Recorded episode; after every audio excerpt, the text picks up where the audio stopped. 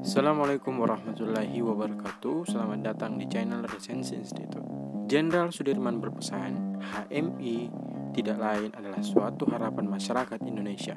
Petua sang jenderal inilah yang kemudian tersampaikan dalam buku Merebut Optimisme HMI dan Masa Depan Indonesia karya Arif Rosid Hasan. Ketua Umum Pengurus Besar Himpunan Mahasiswa Islam PBHMI periode 2013-2015 Buku ini hendak mengingatkan kepada kita khususnya kader HMI yang masih berada di bangku kuliah tentang bagaimana HMI di masa depan. Apakah HMI mampu beradaptasi dengan roda zaman ataukah HMI akan terdisrupsi oleh zaman? Jika berbicara masa depan HMI setidaknya ada empat hal yang bisa dilakukan yaitu menciptakan aktivis yang baik, yaitu menciptakan aktivis yang baik, menciptakan akademisi yang baik, memiliki sifat profesionalisme, serta harus menghasilkan entrepreneur yang baik pula. Memang benar bahwa HMI adalah organisasi yang memiliki sejarah yang besar. Sejak pasca kemerdekaan, namun HMI juga harus siap dengan segala tantangan yang sedang dan akan dihadapi dari masa ke masa. Terlebih lagi, Indonesia pada tahun 2035 diperhadapkan dengan yang namanya bonus demografi, di mana dua orang usia produktif antara 15 sampai 65 tahun tahun akan menanggung satu orang usia yang tidak produktif, usia 15 tahun ke bawah dan usia 65 tahun ke atas. Pertanyaannya adalah, apakah kita bisa menanggung seseorang yang lain saat diri sendiri saja sulit ditanggung. Inilah tantangan yang akan kita hadapi bersama. Salah satu yang ditawarkan dalam buku Merebut Optimisme adalah menyambut bonus demografi ialah pengkaderan HMI perlu diperkaya dengan wawasan keprofesian dan kewirausahaan. Menghidupkan kembali lembaga keprofesian pada level komisariat dan cabang akan memberikan daya yang selama ini kembang kempis tanpa melupakan komitmen keislaman dan kebangsaan.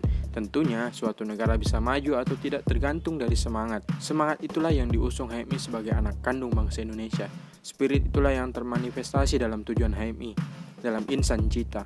Tujuan tersebut merupakan komitmen HMI untuk membangun Indonesia.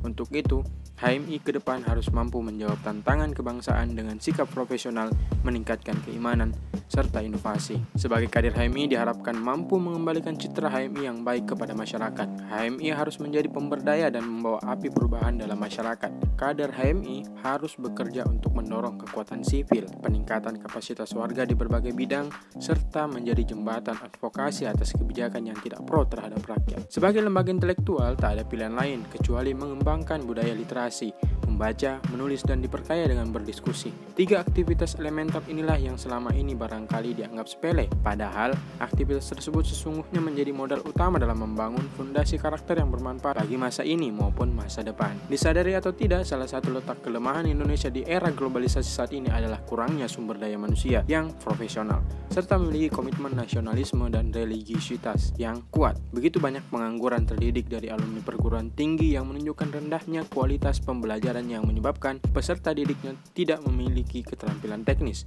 inovatif, dan kreatif. Sebagai sebuah janji atas kelahirannya, Haimi dengan segala identitas yang melekat pada dirinya sebagai organisasi kader dan perjuangan dituntut untuk mampu terus mempertajam nalar reflektifnya dalam menjawab tantangan zaman. Dengan melihat peluang yang sedemikian terang pada masa akan datang, HMI tentu tidak boleh hanya menjadi penonton saja. Komitmen dasar untuk membangun pendidikan tidak lagi sekedar kiasan yang hanya bermakna retoris tanpa ada langkah nyata secara organisatoris. Mengutip kata sambutan Dr. Akbar Tanjung, para kader juga dituntut mencerminkan Islam sebagai rahmatan lil alamin, suatu Islam yang moderat dan tidak ekstrim. Terima kasih. Ada pertanyaan?